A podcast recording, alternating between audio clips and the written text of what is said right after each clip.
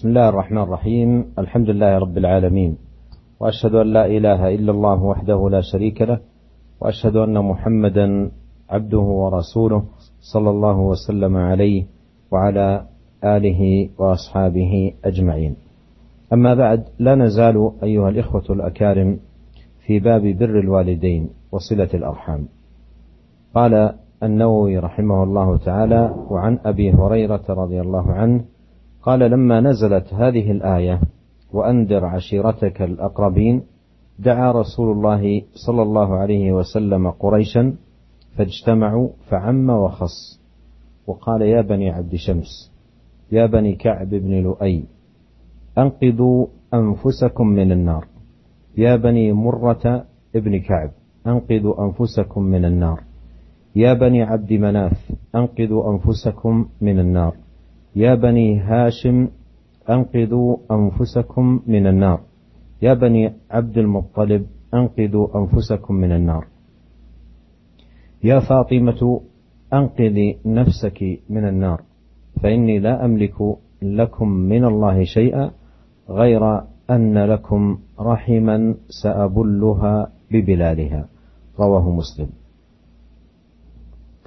قوله ببلالها هو بفتح الباء الثانية وكسرها والبلال الماء.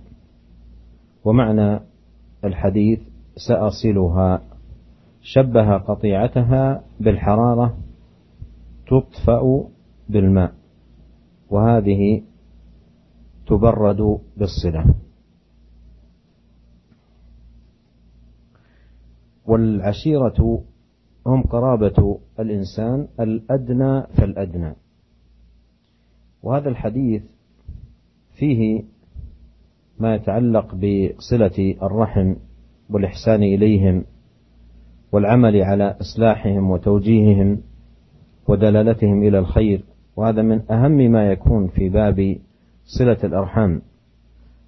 فليست صلة الأرحام بمجرد الزيارة و مجرد اللقاء إذا كانوا على منكرات وعلى مخالفات فإن من الصلة أن تناصحهم بالمعروف وأن تدلهم على الحق والهدى بالتي هي أحسن مع الرفق وحسن المعاملة وطيب الكلام وحسن البيان والاستدلال. لعل الله سبحانه وتعالى أن ينقذ قرابتك مما هم عليه من المخالفات.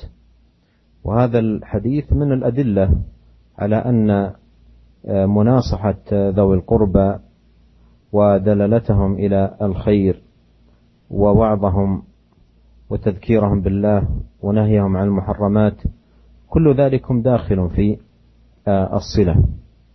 وإن كان بعض الناس قد يغيب عن ذهنه دخول مثل ذلك في صلة الأرحام.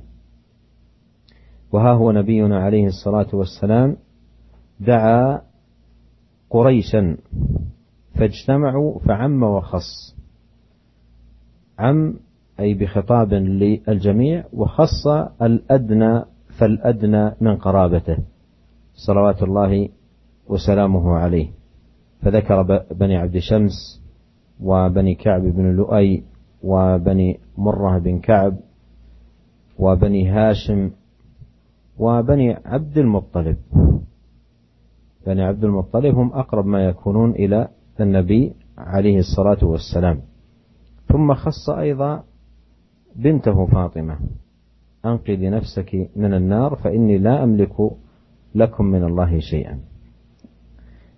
إذا هذا الحديث أيها الإخوة المستمعون من الأحاديث المهمة في صلة الأرحام. وأهمية العناية بذلك وأن الرحم ينبغي أن تبقى رطبة مبلولة لا تكون منقطعة جافة بل ينبغي أن أن أن يدوم التواصل وأن أن يستمر الترابط وأن يحصل التلاقي وأن يتحقق التعاون. إلى غير ذلك من المعاني المهمة التي ينبغي أن تكون بين ذوي الرحم الواحد. وهذا أيها الإخوة الكرام من جمال هذا الدين وعظيم شأنه وما يحققه لأهله من روابط قوية وتعاون عظيم مثمر. Bismillahirrahmanirrahim. Alhamdulillah segala puji dan syukur segala puji dan syukur kita panjatkan kehadirat Allah Subhanahu wa taala. Salawat dan salam semoga senantiasa tercurahkan kepada suri teladan kita, junjungan kita Nabi Muhammad sallallahu alaihi wasallam beserta keluarganya serta seluruh sahabat beliau tanpa terkecuali. Para pendengar di Roja di mana pun Anda berada, kita masih berada dalam bab birul walidain, yaitu berbakti terhadap kedua orang tua dan juga uh, tentang silaturahmi. Al-Imam Nawawi rahimahullah membawakan sebuah hadis dari sahabat Abu Hurairah radhiyallahu taala anhu di mana beliau berkata tatkala turun firman Allah Subhanahu wa taala wa anzir ashiratakal aqrabin dan peringatkanlah keluargamu yang terdekat. Maka Rasulullah Shallallahu Alaihi Wasallam pun menyeru atau memanggil kaum Quraisy. Fajtama'u, maka berkumpullah orang-orang Quraisy. Dipanggil oleh Nabi Shallallahu Alaihi Wasallam. Fa'amma wa khassa, kemudian Nabi Shallallahu Alaihi Wasallam menyebut mereka secara umum dan menyebut mereka juga secara khusus. Kabilah per kabilah, suku per suku. Maka Nabi Shallallahu Alaihi Wasallam berkata, wahai bani Abdi Syams wahai bani Ka'ab bin Lu'ay angkidhu anfusakum minan nar selamatkanlah diri kalian dari neraka jahanam wahai bani Murrah bin Ka'ab selamatkanlah diri kalian dari neraka jahanam wahai bani Abdi Manaf selamatkan diri kalian dari neraka jahanam wahai bani Hashim selamatkanlah diri kalian dari neraka jahanam. Wahai Bani Abdul Muttalib, selamatkanlah diri kalian dari neraka jahanam. Wahai Fatimah, selamatkanlah dirimu dari neraka jahanam. Sungguhnya aku tidak bisa menolong kalian sama sekali. Hanya saja kalian memiliki silaturahmi yang akan aku basahkan ya silaturahmi tersebut. Para pendengar yang dirahmati oleh Allah Subhanahu wa taala, ya. Kata Imam Nawawi rahimahullah tentang sabda Nabi sallallahu alaihi wasallam yaitu sa'abulluha bi bilaliha, saya akan membasahi ya kekerabatan kita dengan air ya. Dikatakan oleh Imam Nawawi rahimahullah artinya Nabi sallallahu alaihi wasallam akan menyambung silaturahmi. Kenapa? Karena Nabi sallallahu alaihi wasallam menyamakan sikap memutuskan silaturahmi seperti suatu yang panas ya. Oleh karenanya silaturahmi harus dibasahi dengan air sehingga tetap bisa ada kekerabatan yang baik di antara para karib kerabat. Para pendengar yang dirahmati oleh Allah Subhanahu wa taala, al-ashirah tatkala Allah berfirman, "Wa anzir ashiratakal aqrabin" dan peringatkanlah kekerabatan kerabatmu yang terdekat. Al-ashirah adalah kerabat seseorang yang lebih dekat dan kemudian selanjutnya yang semakin jauh dan semakin jauh. Jadi semakin dekat ya kemudian yang setelahnya dan setelahnya disebut dengan asyirah dalam hadis ini dijelaskan tentang perkara yang berkaitan dengan silaturahmi bahwasanya seorang yang hendak menyambung silaturahmi hendaknya dia berbuat baik kepada karib kerabatnya dan berusaha untuk memperbaiki kondisi yang ada di karib kerabatnya. Jika ada sesuatu yang rusak atau sesuatu yang mungkar yang terjadi di karib kerabatnya, maka hendaknya dia berusaha untuk memperbaikinya, untuk meluruskannya. Oleh karenanya, silaturahmi itu bukan hanya sekedar mengunjungi, adanya kunjungan, ya, atau hanya sekedar bertemu, ya. Dan jika kerabat kita dalam kondisi melakukan kemungkaran, ya maka di antara bentuk silaturahmi yang terbaik adalah kita menasihati mereka. Ini bentuk silaturahmi bukan hanya sekedar kunjungan, ziarah, kemudian pertemuan, tetapi di antara bentuk silaturahmi yang penting yaitu kita menegakkan amar ma'ruf nahi mungkar terhadap karib kerabat kita. Kita ingatkan mereka tentang kemungkaran yang mereka lakukan. Kita jauhkan mereka dari perbuatan-perbuatan yang tercela. Tentunya semua itu kita lakukan dengan penuh kelembutan dan dengan kata-kata yang terbaik. Semoga Allah Subhanahu wa taala dengan sebab kita bisa menyelamatkan kerabat kita dari siksaan neraka jahanam. Hadis ini ya sangat tegas dan jelas menunjukkan bahwasanya ya di antara bentuk silaturahmi yaitu mencegah mereka, mencegah karib kerabat dari perbuatan muharramat. Perkara-perkara yang diharamkan oleh Allah Subhanahu wa taala meskipun sebagian orang e, lupa akan hal ini, mereka menyangka bahwasanya namanya silaturahmi yaitu hanya sekedar beri kunjungan, beri hadiah ya. Mereka tidak sadar bahwasanya di antara bentuk silaturahmi yang penting adalah memperbaiki kondisi karib kerabat, menegakkan nahi mungkar di antara mereka dengan penuh kelembutan. Lihatlah dalam hadis ini, Nabi Shallallahu Alaihi Wasallam menyeru orang-orang Quraisy. Maka Rasulullah SAW menyeru mereka dan menyebut mereka dengan secara umum dan secara khusus.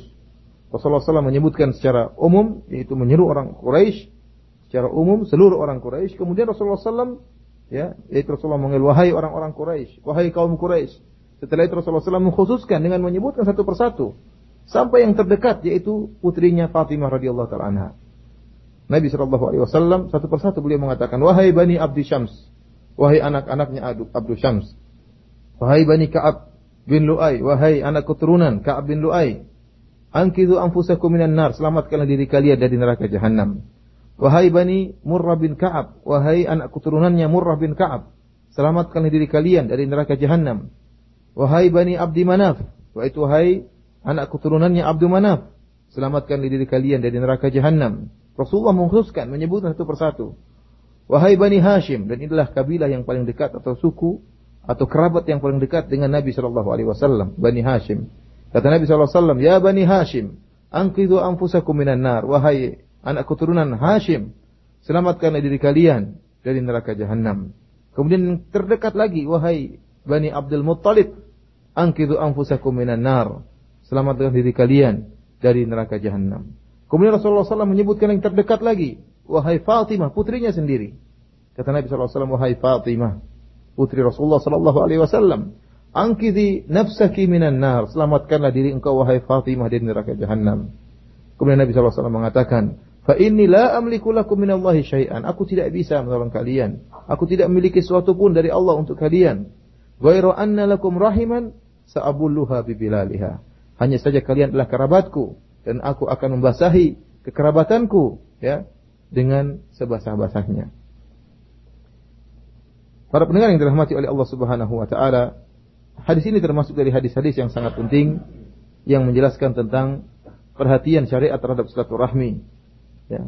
Dan hendaknya silaturahmi harus senantiasa dalam keadaan basah, ya, dalam keadaan terbasahkan dengan ya kerukunan, dengan uh, hubungan yang baik yang erat di antara karib kerabat, saling tolong menolong, ya, saling bekerja sama. Ini sangat perkara yang sangat penting dalam menyambung hubungan silaturahmi. Jangan sampai hubungan silaturahmi dalam keadaan panas, ya, penuh dengan pertikaian, permusuhan. Ini menunjukkan akan indahnya syariat Islam. Oleh karenanya para pendengar dirahmati oleh Allah Subhanahu wa taala, silaturahmi harus senantiasa dalam keadaan basah. jangan sampai jangan sampai dalam keadaan panas, ya, terjadi pertikaian di antara keadaan panas, permusuhan, akan tapi dibasahi dengan kerjasama, ya, adanya kerukunan di antara karib kerabat, yang ini semua dituntut dalam syariat Islam. Oleh karenanya hadis ini menunjukkan akan indahnya syariat Islam di mana syariat Islam berusaha untuk mewujudkan bagi para pemeluknya kerukunan, kedamaian dan ketentraman di antara karib kerabat. أورد الإمام النووي رحمه الله تعالى حديث أبي عبد الله عمرو بن العاص رضي الله عنهما قال سمعت رسول الله صلى الله عليه وسلم جهارا غير سر يقول إن آل بني فلان ليسوا بأولياء إنما ولي الله وصالح المؤمنين ولكن لهم رحم أدلها ببلادها. واللفظ للبخاري. هذا الحديث فيه أهمية صلة الرحم حتى وإن كان ذو الرحم حتى وإن كان ذو الرحم ليس من أهل الإسلام. فتبقى الصلة لكن لا يكون له نصيب وحظ من التولي والولاية. ولهذا يقول عليه الصلاة والسلام إن آل بني فلان وقال ذلك سر جهرا وليس سرا أعلن ذلك. وذكر أشخاصا من قرابته من نسبه عليه الصلاة والسلام. وذكرهم بأسمائهم وقال ليسوا بأولياء. ليسوا بأولياء. وهذا فيه البراءة من الكفر والكافرين حتى ولو كانوا من قرابة الإنسان. فلا ولاية بين المسلم والكافر. ومن خصال الإيمان العظيمة الحب في الله والبغض في الله. لكن مع بغضه وكرهه على كفره آه، تبقى الرحم. تبقى الرحم. ولهذا قال في آخر الحديث ولكن لهم رحم أظل هذه بذلك مع قوله ليس بأولياء قال لهم رحم. إذا لا بد أن ننتبه لهذا الأمر. أن الكافر لا بد أن يتبرع منه و آه، ليس بينه وبين المسلم ولاية لأن الكفر يقطع. ذلك تماما. ويكون مبغضا له وكارها له. وأوثق غير الإيمان الحب في الله والبغض في الله. لكن تبقى الرحم تدل بجلالها صلة له. ومن أعظم ما يصل المرء به رحمه الكافر دعوته إلى الإسلام ودلالته إلى هذا الدين. لعل الله سبحانه وتعالى أن يهديه إلى إلى دين الله عز وجل. وقوله عليه الصلاة والسلام في هذا الحديث إن آل بني فلان ليسوا بأولياء إنما ولي الله وصالح المؤمنين. فيه أن الإنسان إذا كان على الإيمان والصلاح والاستقامة فله الولاية والمحبة ولو كان بعيد النسب والإنسان إذا كان على الكفر بالله سبحانه وتعالى فله البغض والكراهية ولو كان قريب النسب. ولهذا تبرأ النبي عليه الصلاة والسلام من هؤلاء الكفار وإن لم يسموا في الحديث آه، وقال ليسوا بأوليائي ثم قال إنما ولي الله وصالح المؤمنين أي حتى من الأشخاص الذين لا تربطهم بالنبي عليه الصلاة والسلام رابطة قرابة ونسب. Para pendengar yang dirahmati oleh Allah Subhanahu wa taala, kemudian Al-Imam Nawawi rahimahullah membawakan sebuah hadis dari Abu Abdullah Amr bin As radhiyallahu taala anhu. Dia berkata, saya mendengar Rasulullah sallallahu alaihi wasallam berkata dengan perkataan yang yang jelas, tidak secara diam-diam, ya, atau tidak pelan, tetapi dengan suara yang keras. Nabi Shallallahu Alaihi Wasallam berkata, sungguhnya keluarga Bani Fulan laitu di auliyai. Sungguhnya keluarga Bani Fulan bukanlah wali-waliku. Innama Allah wa salihul mu'minin. Akan tapi wali-waliku adalah Allah dan orang-orang yang beriman. Walakin lahum rahimun abulluha bibilaliha. Akan tapi mereka alu bani fulan tadi yang Rasulullah sebutkan, mereka memiliki, mereka adalah karib kerabatku dan aku akan membasahi kekerabatanku dengan eh, air. Demikian sabda Nabi Shallallahu Alaihi Wasallam sebagaimana diriwayatkan Imam Bukhari dan Imam Muslim dalam sahih mereka. Para pendengar yang dirahmati oleh Allah Subhanahu Wa Taala, dalam hadis ini jelas tentang pentingnya silaturahmi meskipun orang-orang yang kerabat kita yang hendak kita sambung silaturahmi, mereka bukan orang Islam, mereka non-Muslim. Meskipun mereka non-Muslim, hendaknya hubungan silaturahmi tetap berjalan. Sebaliknya, ya, orang yang jauh dari kita dan tidak punya uh, hubungan karib kekerabatan, ya, namun mereka beriman kepada Allah Subhanahu Wa Taala, maka mereka adalah wali-wali Allah Subhanahu Wa Taala. Adapun karib kerabat kita yang non-muslim, kita harus menyambung silaturahmi dengan mereka. Akan tapi mereka tidak punya ya hak dari kita kecuali hak sekedar hak silatu silaturahmi. Adapun hak wilayah, kecintaan, maka tidak. Oleh karena Nabi SAW dalam hadis ini, Nabi SAW menyebutkan dengan suaranya yang lantang, bukan dengan suara yang pelan. Kata Nabi SAW, sungguhnya ahli Bani Fulan, sungguhnya keluarga Bani Fulan, yaitu dari kerabat-kerabat Nabi SAW. Bahkan disebutkan Nabi SAW menyebutkan nama-nama mereka, itu si Fulan dan si Fulan dan si Fulan. Rasulullah, lain itu awliyai, mereka bukan wali-waliku. Ini jelas bagaimana Rasulullah SAW berlepas diri dari kekufuran dan juga berlepas diri dari orang-orang kafir. Meskipun orang-orang kafir tersebut adalah karib kerabat Nabi Wasallam. Dan sebagaimana kita ketahui bahwasanya di antara ya perkara iman yang sangat kuat, sangat penting adalah al-hubbu fillah wal bughdu fillah. Cinta karena Allah Subhanahu wa taala dan benci karena Allah Subhanahu wa taala. Mereka adalah orang-orang kafir dan Rasulullah SAW berlepas diri di mereka. Akan banyak meskipun demikian, Rasulullah SAW menjelaskan mereka punya satu hak yang harus ditunaikan oleh Nabi, yaitu hak silaturahmi.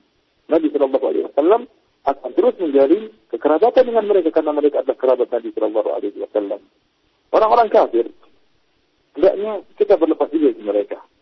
Seorang Muslim tidak boleh memiliki hubungan wilayah, ya, kecintaan antara mereka, antara seorang Muslim dengan seorang kafir. Karena kekufuran telah memutuskan ya, wilayah atau uh, kecintaan di antara mereka berdua. Oleh karenanya, Nabi Shallallahu Alaihi Wasallam hadis yang saya mengatakan, "Au taqawul iman al-hubbu fillah wal bughdu fillah," bahwa antara kali-kali iman yang paling kuat adalah cinta karena Allah dan benci karena Allah Subhanahu Wa Taala. Hanya saja sebagaimana tadi kita jelaskan, bahwasanya masih tersisa silaturahmi kekerabatan yang harus di, di disambung. Dan ingat kata Syekh bahwasanya di antara perkara yang sangat baik yang bisa kita lakukan untuk menyambung silaturahmi dengan orang-orang kafir yang merupakan kerabat kita adalah kita berusaha mendakwahkan mendakwahi mereka. Kita berusaha berdakwah kepada mereka agar mereka bisa mengenal Islam, agar mereka mereka bisa merasakan agama yang benar. Dalam hadis ini pula, ya, tatkala Nabi Shallallahu Alaihi Wasallam mengatakan Inna ma Allah wa salihul mu'minin Ya, sungguhnya wali-waliku adalah Allah dan orang-orang yang beriman kepada Allah Subhanahu wa taala. Ini dalil bahwa seorang manusia, seorang hamba jika berada di atas keimanan dan di atas kesolehan dan berada di atas istiqamah, maka dia memiliki hak wilayah. Kita cinta kepada dia. Meskipun dia tidak ada hubungan nasab dengan kita. Akan dia seorang yang beriman dan bertakwa kepada Allah atas istiqamah. Maka kita harus ya, berwala kepada dia. Dan sebaliknya, seorang yang meskipun karib kerabat dekat dengan kita, akan tapi dia ada kekufuran, ya jauh dari keimanan, maka kita harus berlepas diri dari, dari orang yang seperti ini. Oleh karena Nabi Shallallahu Alaihi Wasallam ya berlepas diri dari orang-orang kafir, ya bukan Rasulullah SAW mengeraskan hal ini memberitahukan bahwa beliau berlepas diri dari orang-orang kafir meskipun orang-orang kafir tersebut adalah dari karib kerabat beliau. ثم أورد رحمه الله تعالى حديث أبي أيوب خالد بن زيد الأنصاري رضي الله عنه أن رجلا قال يا رسول الله أخبرني بعمل يدخلني الجنة ويباعدني من النار فقال النبي صلى الله عليه وسلم فاعبد الله ولا تشرك به شيئا وتقيم الصلاة وتؤتي الزكاة وتصل الرحم. متفق عليه. أولا في هذا الحديث حرص الصحابة رضي الله عنهم على ما يقربهم من الجنة ويكون سببا لدخولهم إياها وما يباعدهم من النار. وهذا أعظم مؤمل يؤمله المؤمن أن يزحزح عن النار وأن يدخل الجنة. وهذا هو الفوز العظيم. فمن زحزح عن النار وادخل الجنة فقد فاز. وما الحياة الدنيا إلا متاع فسأل هذا الرجل الحريص على السعادة الأبدية بدخول الجنة والنجاة من النار النبي عليه الصلاة والسلام عن عمل يدخله الجنة ويباعده من النار. فذكر له عليه الصلاة والسلام أربعة أعمال. الأول التوحيد تعبد الله ولا تشرك به شيئا. هذا هو معنى لا إله إلا الله. تعبد الله ولا تشرك به شيئا هذا هو معنى لا إله إلا الله أن نخلص الدين لله. فلا نسأل إلا الله ولا نستعيذ إلا بالله ولا نذبح إلا لله ولا نتوكل إلا على الله ولا ندعو إلا الله ولا نطلب شيء من العبادة إلا لله. والأمر الثاني إقامة الصلاة المحافظة على أوقاتها وأركانها وشروطها وواجباتها. وهي الصلاة المفروضة. خمس صلوات كتبها الله عز وجل على العبد في اليوم والليلة. والأمر الرابع إيتاء الزكاة. لمن كان عنده مال بلغ النصاب وهو صدقة تؤخذ من الأغنياء وترد على الفقراء. والأمر الرابع وهو موضع الشاهد من ذكر الحديث في الترجمة صلة الرحم. ففيه الحث على القيام بصلة الرحم. وقد دل الحديث على عظيم مكانة صلة الرحم ورفيع منزلتها حيث أن النبي عليه الصلاة والسلام قرنها في هذا الحديث بالتوحيد والصلاة والزكاة فيما يكون سببا لدخول العبد الجنة ونجاته من النار. oleh Allah Subhanahu wa taala kemudian Al Imam rahimahullah bawakan hadis berikutnya dari syahadat Abu Ayyub Khalid bin Zaid Al-Ansari radhiyallahu taala anhu bahwa ada seorang yang bertanya kepada Nabi sallallahu alaihi wasallam berkata, "Wahai Rasulullah, kabarkanlah kepadaku tentang suatu amalan yang memasukkan ke dalam surga dan menjauhkan aku dari neraka jahanam." Maka Nabi sallallahu alaihi wasallam berkata, "Kalau la tusyriku bihi syai'ah." engkau beribadah kepada Allah dan engkau tidak berbuat kesyirikan sedikit pada Allah Subhanahu wa taala. Wa tuqimu shalah dan engkau salat. Wa tu'ti zakat dan engkau zakat wa tasilur rahim dan engkau menyambung silaturahmi. Hadis ini hadis yang sahih yang diriwayatkan Imam Bukhari dan Imam Muslim. Para pendengar yang dirahmati oleh Allah Subhanahu wa taala, perhatikan dalam hadis ini bagaimana semangat para sahabat untuk bisa masuk ke dalam surga dan agar bisa terjauhkan dari neraka jahanam. Dan mereka bertanya kepada Nabi Shallallahu Alaihi Wasallam tentang amalan-amalan apa saja yang bisa mewujudkan cita-cita mereka tersebut. Karena cita-cita tertinggi seorang Muslim adalah bisa diselamatkan dari neraka jahanam dan dimasukkan ke dalam surga Allah Subhanahu Wa Taala. Ini adalah cita-cita tertinggi seorang Muslim. Barang siapa yang meraihnya, maka dia telah mendapatkan keberuntungan yang sangat besar. Dia telah mendapatkan kemenangan yang terbesar. Allah Subhanahu wa taala berfirman, "Wa man zuhziha nar wa udkhila al-jannah faqad faz." Famal hayatud dunya illa mata illa mata'ul ghurur. Barang siapa yang diselamatkan dari neraka jahanam dan dimasukkan ke dalam surga, maka sungguh dia telah beruntung dan tidaklah kehidupan dunia ini kecuali hanyalah kenikmatan yang melalaikan, yang menipu. Oleh karenanya sahabat ini bertanya kepada Nabi Shallallahu Alaihi Wasallam tentang kebahagiaan yang abadi, sa'adah al-abadiyah, kebahagiaan yang abadi.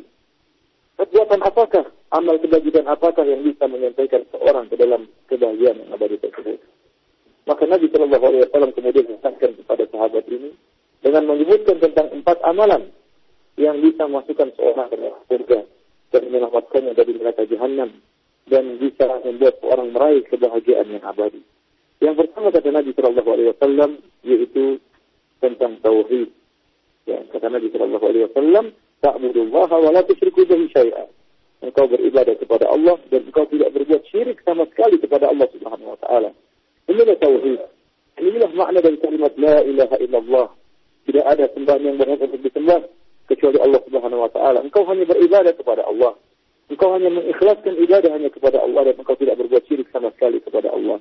Oleh karenanya seorang yang bertauhid dia tidak meminta kecuali kepada Allah Subhanahu wa taala, tidak berdoa kecuali kepada Allah Subhanahu wa taala, tidak beristighatsah, meminta pertolongan dalam keadaan terdesak kecuali hanya kepada Allah Subhanahu wa taala dan tidak menyembelih kecuali hanya untuk Allah Subhanahu wa taala dan tidak beribadah kecuali hanya kepada Allah Subhanahu wa taala. Ini amalan yang pertama yang sangat penting yaitu tentang tauhid. Yang kedua, Rasulullah Shallallahu Alaihi Wasallam menyebutkan tentang iqamatus salat, menegakkan salat itu berusaha menjalankan sholat sebagaimana yang diperintahkan oleh Nabi Shallallahu Alaihi Wasallam Sholat lima waktu yang diwajibkan oleh Allah Subhanahu wa taala. Berusaha seorang mengerjakannya dengan perhatikan rukun-rukunnya, perhatikan kewajiban-kewajibannya dan sunnah-sunnah yang disebutkan dalam sholat sehingga dia bisa mengerjakannya dengan baik. Kemudian perkara yang ketiga kata Nabi Wasallam, kita zakat yaitu tentang mengeluarkan zakat. Jika harta seseorang telah mencapai nifab dan sudah timbul waktu tiba waktu untuk bayar zakat, maka dia pun membayar zakatnya. Ini juga perkara atau ibadah yang bisa memasukkan orang ke dalam surga Allah Subhanahu wa taala. Yang terakhir yang keempat, dan ini merupakan maudhu syahid menjadi perhatian kita, jadi Nabi Shallallahu Alaihi Wasallam mengatakan, wasasilur rahim, yaitu engkau menyambung silaturahmi. Ya, ini dalam hadis ini jelas ada motivasi oleh seorang bagi seorang untuk menyambung silaturahmi. Bahkan Nabi Shallallahu Alaihi Wasallam dalam hadis ini menjelaskan tentang kedudukan yang tinggi dari silaturahmi. Kenapa? Karena Nabi Shallallahu Alaihi Wasallam menggandengkan silaturahmi dengan amalan-amalan yang luar biasa. Tadi kita telah sebutkan tiga amalan sebelumnya. Tauhid yang pertama. Yang kedua menegakkan salat. Yang ketiga membayar zakat. Ini tiga perkara yang sangat penting. Dan yang keempat ternyata Nabi Shallallahu Alaihi Wasallam menyebutkan silaturahmi.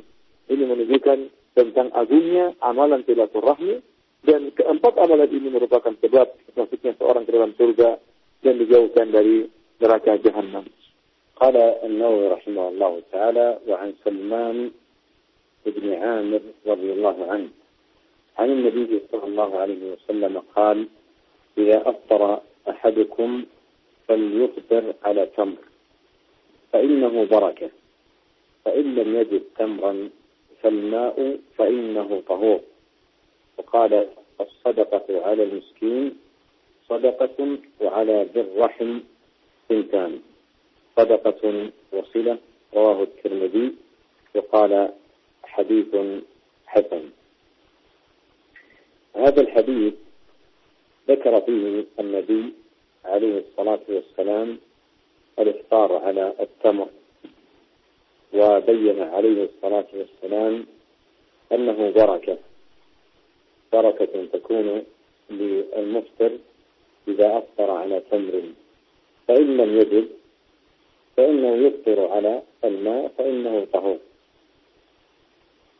ثم قال عليه الصلاة والسلام الصدقة على المسكين صدقة وعلى ذي الرحم ثنتان صدقة وصلة وهذا موضع آه الشاهد آه من آه الحديث أن النبي عليه الصلاة والسلام ذكر أن الصدقة على ذوي الرحم تجمع خصلتين عظيمتين وخلتين مباركتين أنها صدقة وصلة ولهذا ينبغي على الإنسان في صدقاته ونفقاته أن يتفقد إذا كان في ذوي قرابته من هم فقراء فإنهم أحق بالصدقة والنفقة والبذل لأن ذلكم يجمع به بين الصدقة والصلة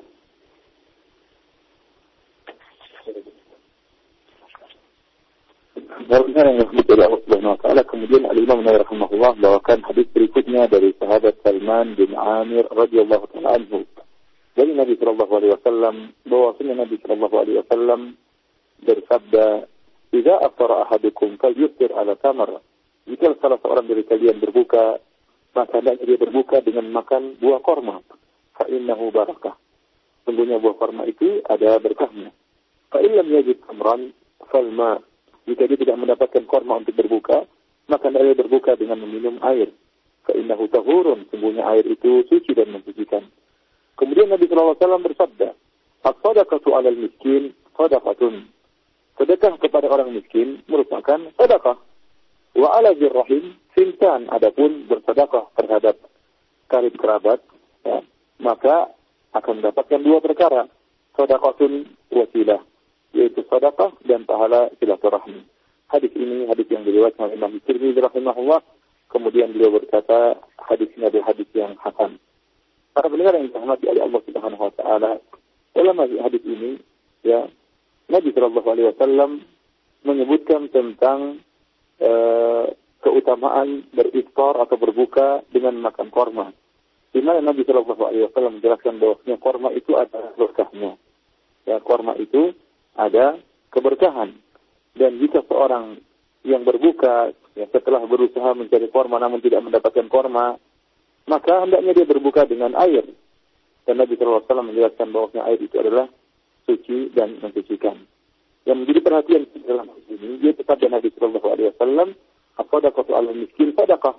Sadaqah yang kita berikan kepada seorang yang miskin, maka itu akan mendapatkan pahala sadaqah. Adapun sedekah yang kita berikan kepada rahim, kepada karib kerabat kita, maka kita akan mendapatkan dua perkara. Seorang yang bersedekah kepada karib kerabatnya, maka dia akan mendapatkan dua perkara yang penuh keberkahan. Yang pertama adalah pahala sedekah dan yang kedua adalah pahala silaturahmi. Karena seorang yang hendak bersedekah, dia berusaha untuk memikirkan karib kerabatnya yang kekurangan sehingga dia bisa bersedekah kepada karib kerabatnya tersebut, kemudian dia akan mendapatkan dua pahala yaitu pahala sedekah dan pahala bersilaturahmi.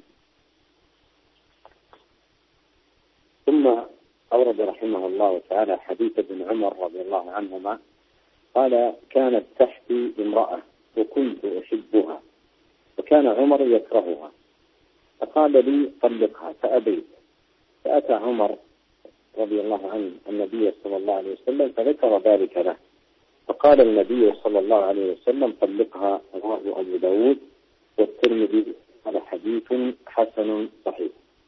هذا الحديث أيها الإخوة الكرام فيه وجوب طاعة الإبن لوالده حتى وإن كان أمره والده بشيء لا يحبه أو بشيء يكرهه فإن عليه أن يطيع الوالد وأن تكون الطاعة للوالد بالمعروف. فإذا كان ما أمره آه، به والده ليس منكرا ولا محرما شرعا فإنه يطيعه. أما إذا أمره بالمعصية لله سبحانه وتعالى فلا طاعة آه، لمخلوق في معصية الخالق. وهنا آه، أمر عمر بن الخطاب رضي الله عنه ابنه أن يطلق زوجته أن يطلق زوجته. ومعروف عمر رضي الله عنه في سداد رأيه وحسن فهمه وجميل درايته وبصيرته في آه، الأمور. فلهذا لما آه، ذكر عمر آه، عدم استجابة ابنه لما طلب منه أمره النبي عليه الصلاة والسلام أن يطلقها. أمره النبي صلى الله عليه وسلم أن يطلقها. وهنا يقال هل كل والد يأمر آه، ابنه أن يطلق زوجته تكون له الطاعة ويجب أن يطاع. أو يقال إن الأمر فيه تفصيل وهو الحق أيها الأخوة الكرام. فإذا كان الأب على علم وعلى دراية وعلى بصيرة وعلى إيمان ونصح فإنه آه، يطاع فيما أمر لأن كلامه صادر عن سداد رأي وبصيرة وديانة أما إذا كان الأب آه، فاسقا وغير رشيد و آه، لا لا يعرف الأمور وإنما عن نوع هوى أو شيء من ذلك يأمر الابن بطلاق الزوجة فلا طاعة له في ذلك آه، لما يترتب عليه من مفسدة وعدم تحقق أي مصلحة. فإذا إذا كان الوالد آه، في فهم وعلم ودراية ونحو ذلك وكان آه، أمر بشيء مثل ذلك فإنه يطاع. ومن كان على هذه الدراية فإنه لا يأمر آه، ابنه إلا بما قد رأى أن المصلحة متحققة بذلك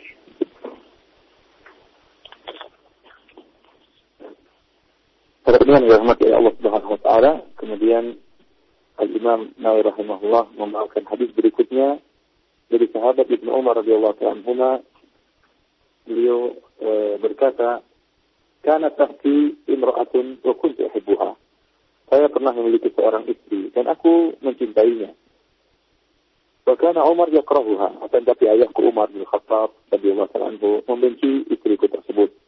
Maka ayahku berkata kepadaku, itu Umar berkata kepada Ibnu Umar, Talikha, ceraikan istrinya itu. Fa'abait, maka aku enggan untuk melaksanakan perintah ayahku. Fa'ata Umar radhiyallahu ta'ala anhu an Nabi sallallahu alaihi wasallam. Maka Umar pun mendatangi Nabi sallallahu alaihi wasallam. Fadzakara dzalika lahu. Kemudian Umar menceritakan tentang apa yang terjadi.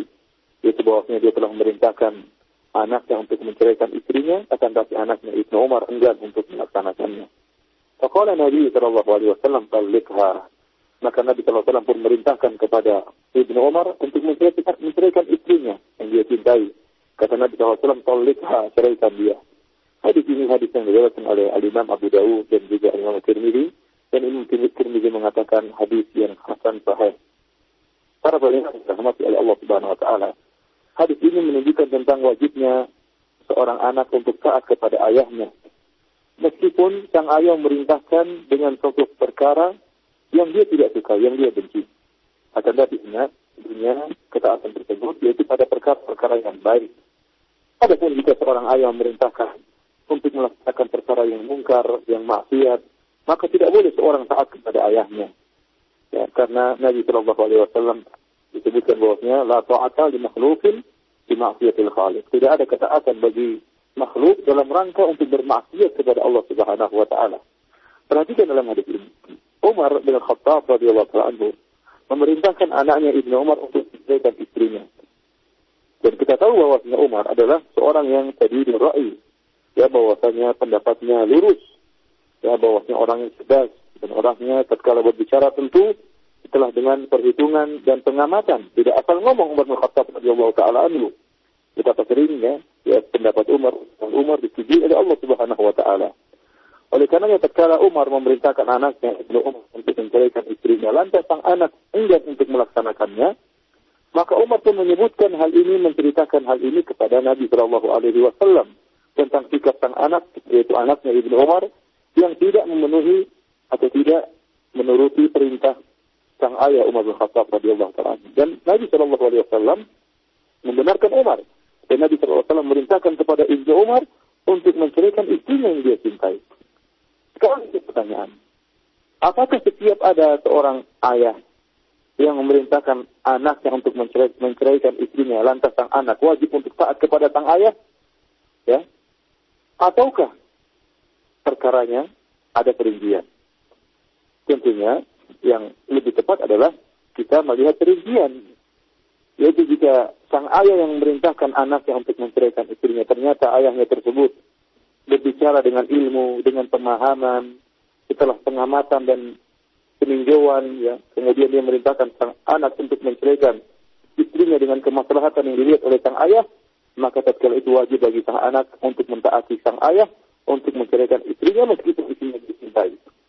Adapun jika sang ayah ternyata adalah orang yang fasik, seorang yang berbicara dengan hawa nafsu, yang tidak uh, rasyid, tidak tidak di atas petunjuk, akan dia berbicara dengan semaunya dia, dengan hawa nafsu, dengan eh, kemarahannya, maka ya tidak boleh seorang anak untuk taat kepada ayah yang seperti ini. Kenapa? Karena jika dia taat kepada ayahnya yang modelnya seperti ini, tentunya akan menimbulkan kemafsadatan, ya.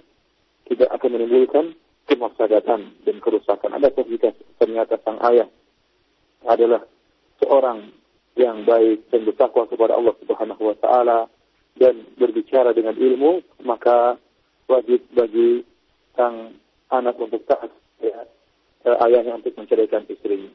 ثم أورد رحمه الله حديث البراء بن عازب رضي الله عنه عن النبي صلى الله عليه وسلم قال الخالة بمنزلة الأم رواه الترمذي. وهو آخر حديث أورده في هذه الترجمة.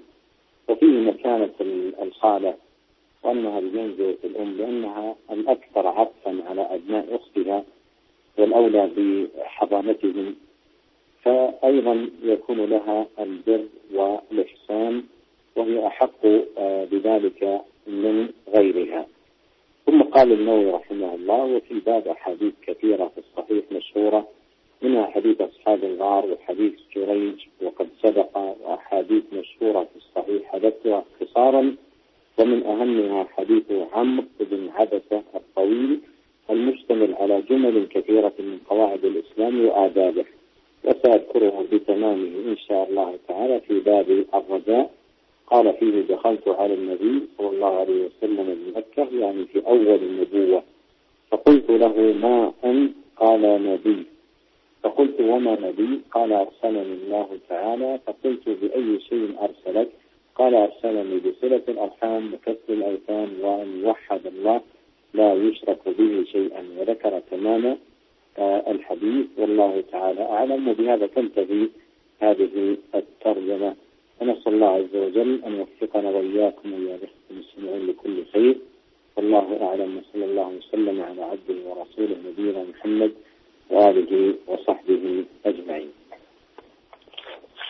Dan hadis yang terakhir dalam bab ini adalah hadis yang uh, diriwayatkan oleh sahabat Al-Bara bin Azib radhiyallahu anhu dari Nabi sallallahu alaihi wasallam bahwa Nabi sallallahu alaihi wasallam bersabda al-khalah bimanzilatil um bahwasanya bibi yaitu saudara perempuan ibu itu kedudukannya seperti uh, ibu sendiri. Hadis ini diriwayatkan oleh Tirmidzi dan dia berkata hadisun hasan sahih. Hadis ini menunjukkan bahwasanya bibi merupakan seorang yang lebih utama untuk kita berbuat baik kepadanya ya kedekatannya dengan ibu kita dan uh, lebih utama untuk kita perhatikan karena kata Nabi Shallallahu Alaihi Wasallam al khalah di manzilatil um bahwasanya ibu itu kehidupannya seperti uh, ibu sendiri oleh karena seorang tidak memperhatikan uh, dan kemudian Imam Imam Nawawi rahimahullah kemudian menyebutkan uh, di akhir ini beliau berkata dan dalam bab ini banyak hadis-hadis ya yang sahih yang masyhur di antaranya yaitu tentang ber, berbakti kepada orang tua dan menyambut Di antaranya hadis tentang kisah tiga orang yang masuk dalam goa yang yang terlalu penyebutannya. Demikian juga tentang hadis Zurej yang telah lalu juga penyebutannya. Hadis-hadis masyur yang lainnya yang saya sengaja untuk menghapusnya, ya saya tidak menyebutkannya karena saya ingin meringkas. Ya. Dan di antara hadis-hadis yang sangat penting juga adalah hadis Amr bin Abbasah radhiyallahu anhu yang hadis ini hadis ini sangatlah panjang yang mencakup tentang beberapa perkara tentang kaidah-kaidah Islam dan adab-adab Islam. Dan aku akan menyebutkannya insya Allah secara sempurna di bab raja. Di antara di antara isi hadis tersebut, yaitu dia mengatakan, aku menemui Nabi Shallallahu Alaihi Wasallam di Mekah, yaitu tatkala di awal e, kenabian. Maka aku berkata kepada Nabi, Ma anta, siapa engkau? Maka Rasulullah menjawab, Nabi, saya seorang Nabi. Kemudian aku bertanya lagi. Kata Amr bin Abbas bertanya lagi. Apa itu Nabi? Ya, maka Nabi Shallallahu Alaihi Wasallam mengatakan, yaitu Allah Subhanahu Wa Taala telah mengutusku. Maka beliau bertanya lagi, Allah mengutusmu dengan apa? Maka Nabi Wasallam menjawab, Allah mengutusku untuk menyambung silaturahmi dan untuk menghancurkan patung-patung dan agar Allah ditauhidkan, diesakan dan tidak ada kesyirikan bagi Allah sama sekali.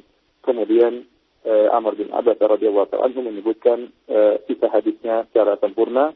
Wallahu alam bisawab. Demikian saja para pendengar yang dirahmati Allah Subhanahu wa taala kajian kita pada kesempatan kali ini. Uh, kurang lebihnya kami mohon maaf semoga Allah Subhanahu wa taala nanti taufiknya kepada kita. Wabillahi taufiq wal hidayah. Assalamualaikum warahmatullahi wabarakatuh.